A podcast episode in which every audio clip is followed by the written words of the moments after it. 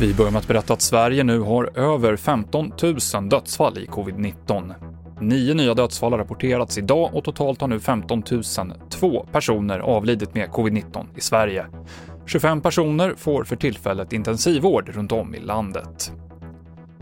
Tre personer har gripits misstänkta för mordet på en 21-åring som hittades död på en åker mellan Västerås och Enköping i somras, det rapporterar Bergslagsbladet.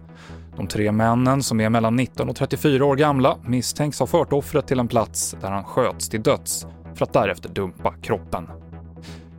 Det har brunnit på en båt som används som studentboende i Karlskrona. En person är gripen misstänkt för mordbrand. Ingen skadades i branden. Och IKEA har köpt en butikslokal på Londons mest berömda affärsgata Oxford Street. För nästan 4,5 miljard kronor så tar man över den tre våningar stora lokalen som tidigare tillhörde butikskedjan Topshop. Tanken är att IKEA ska öppna varuhus där i mitten av 2023.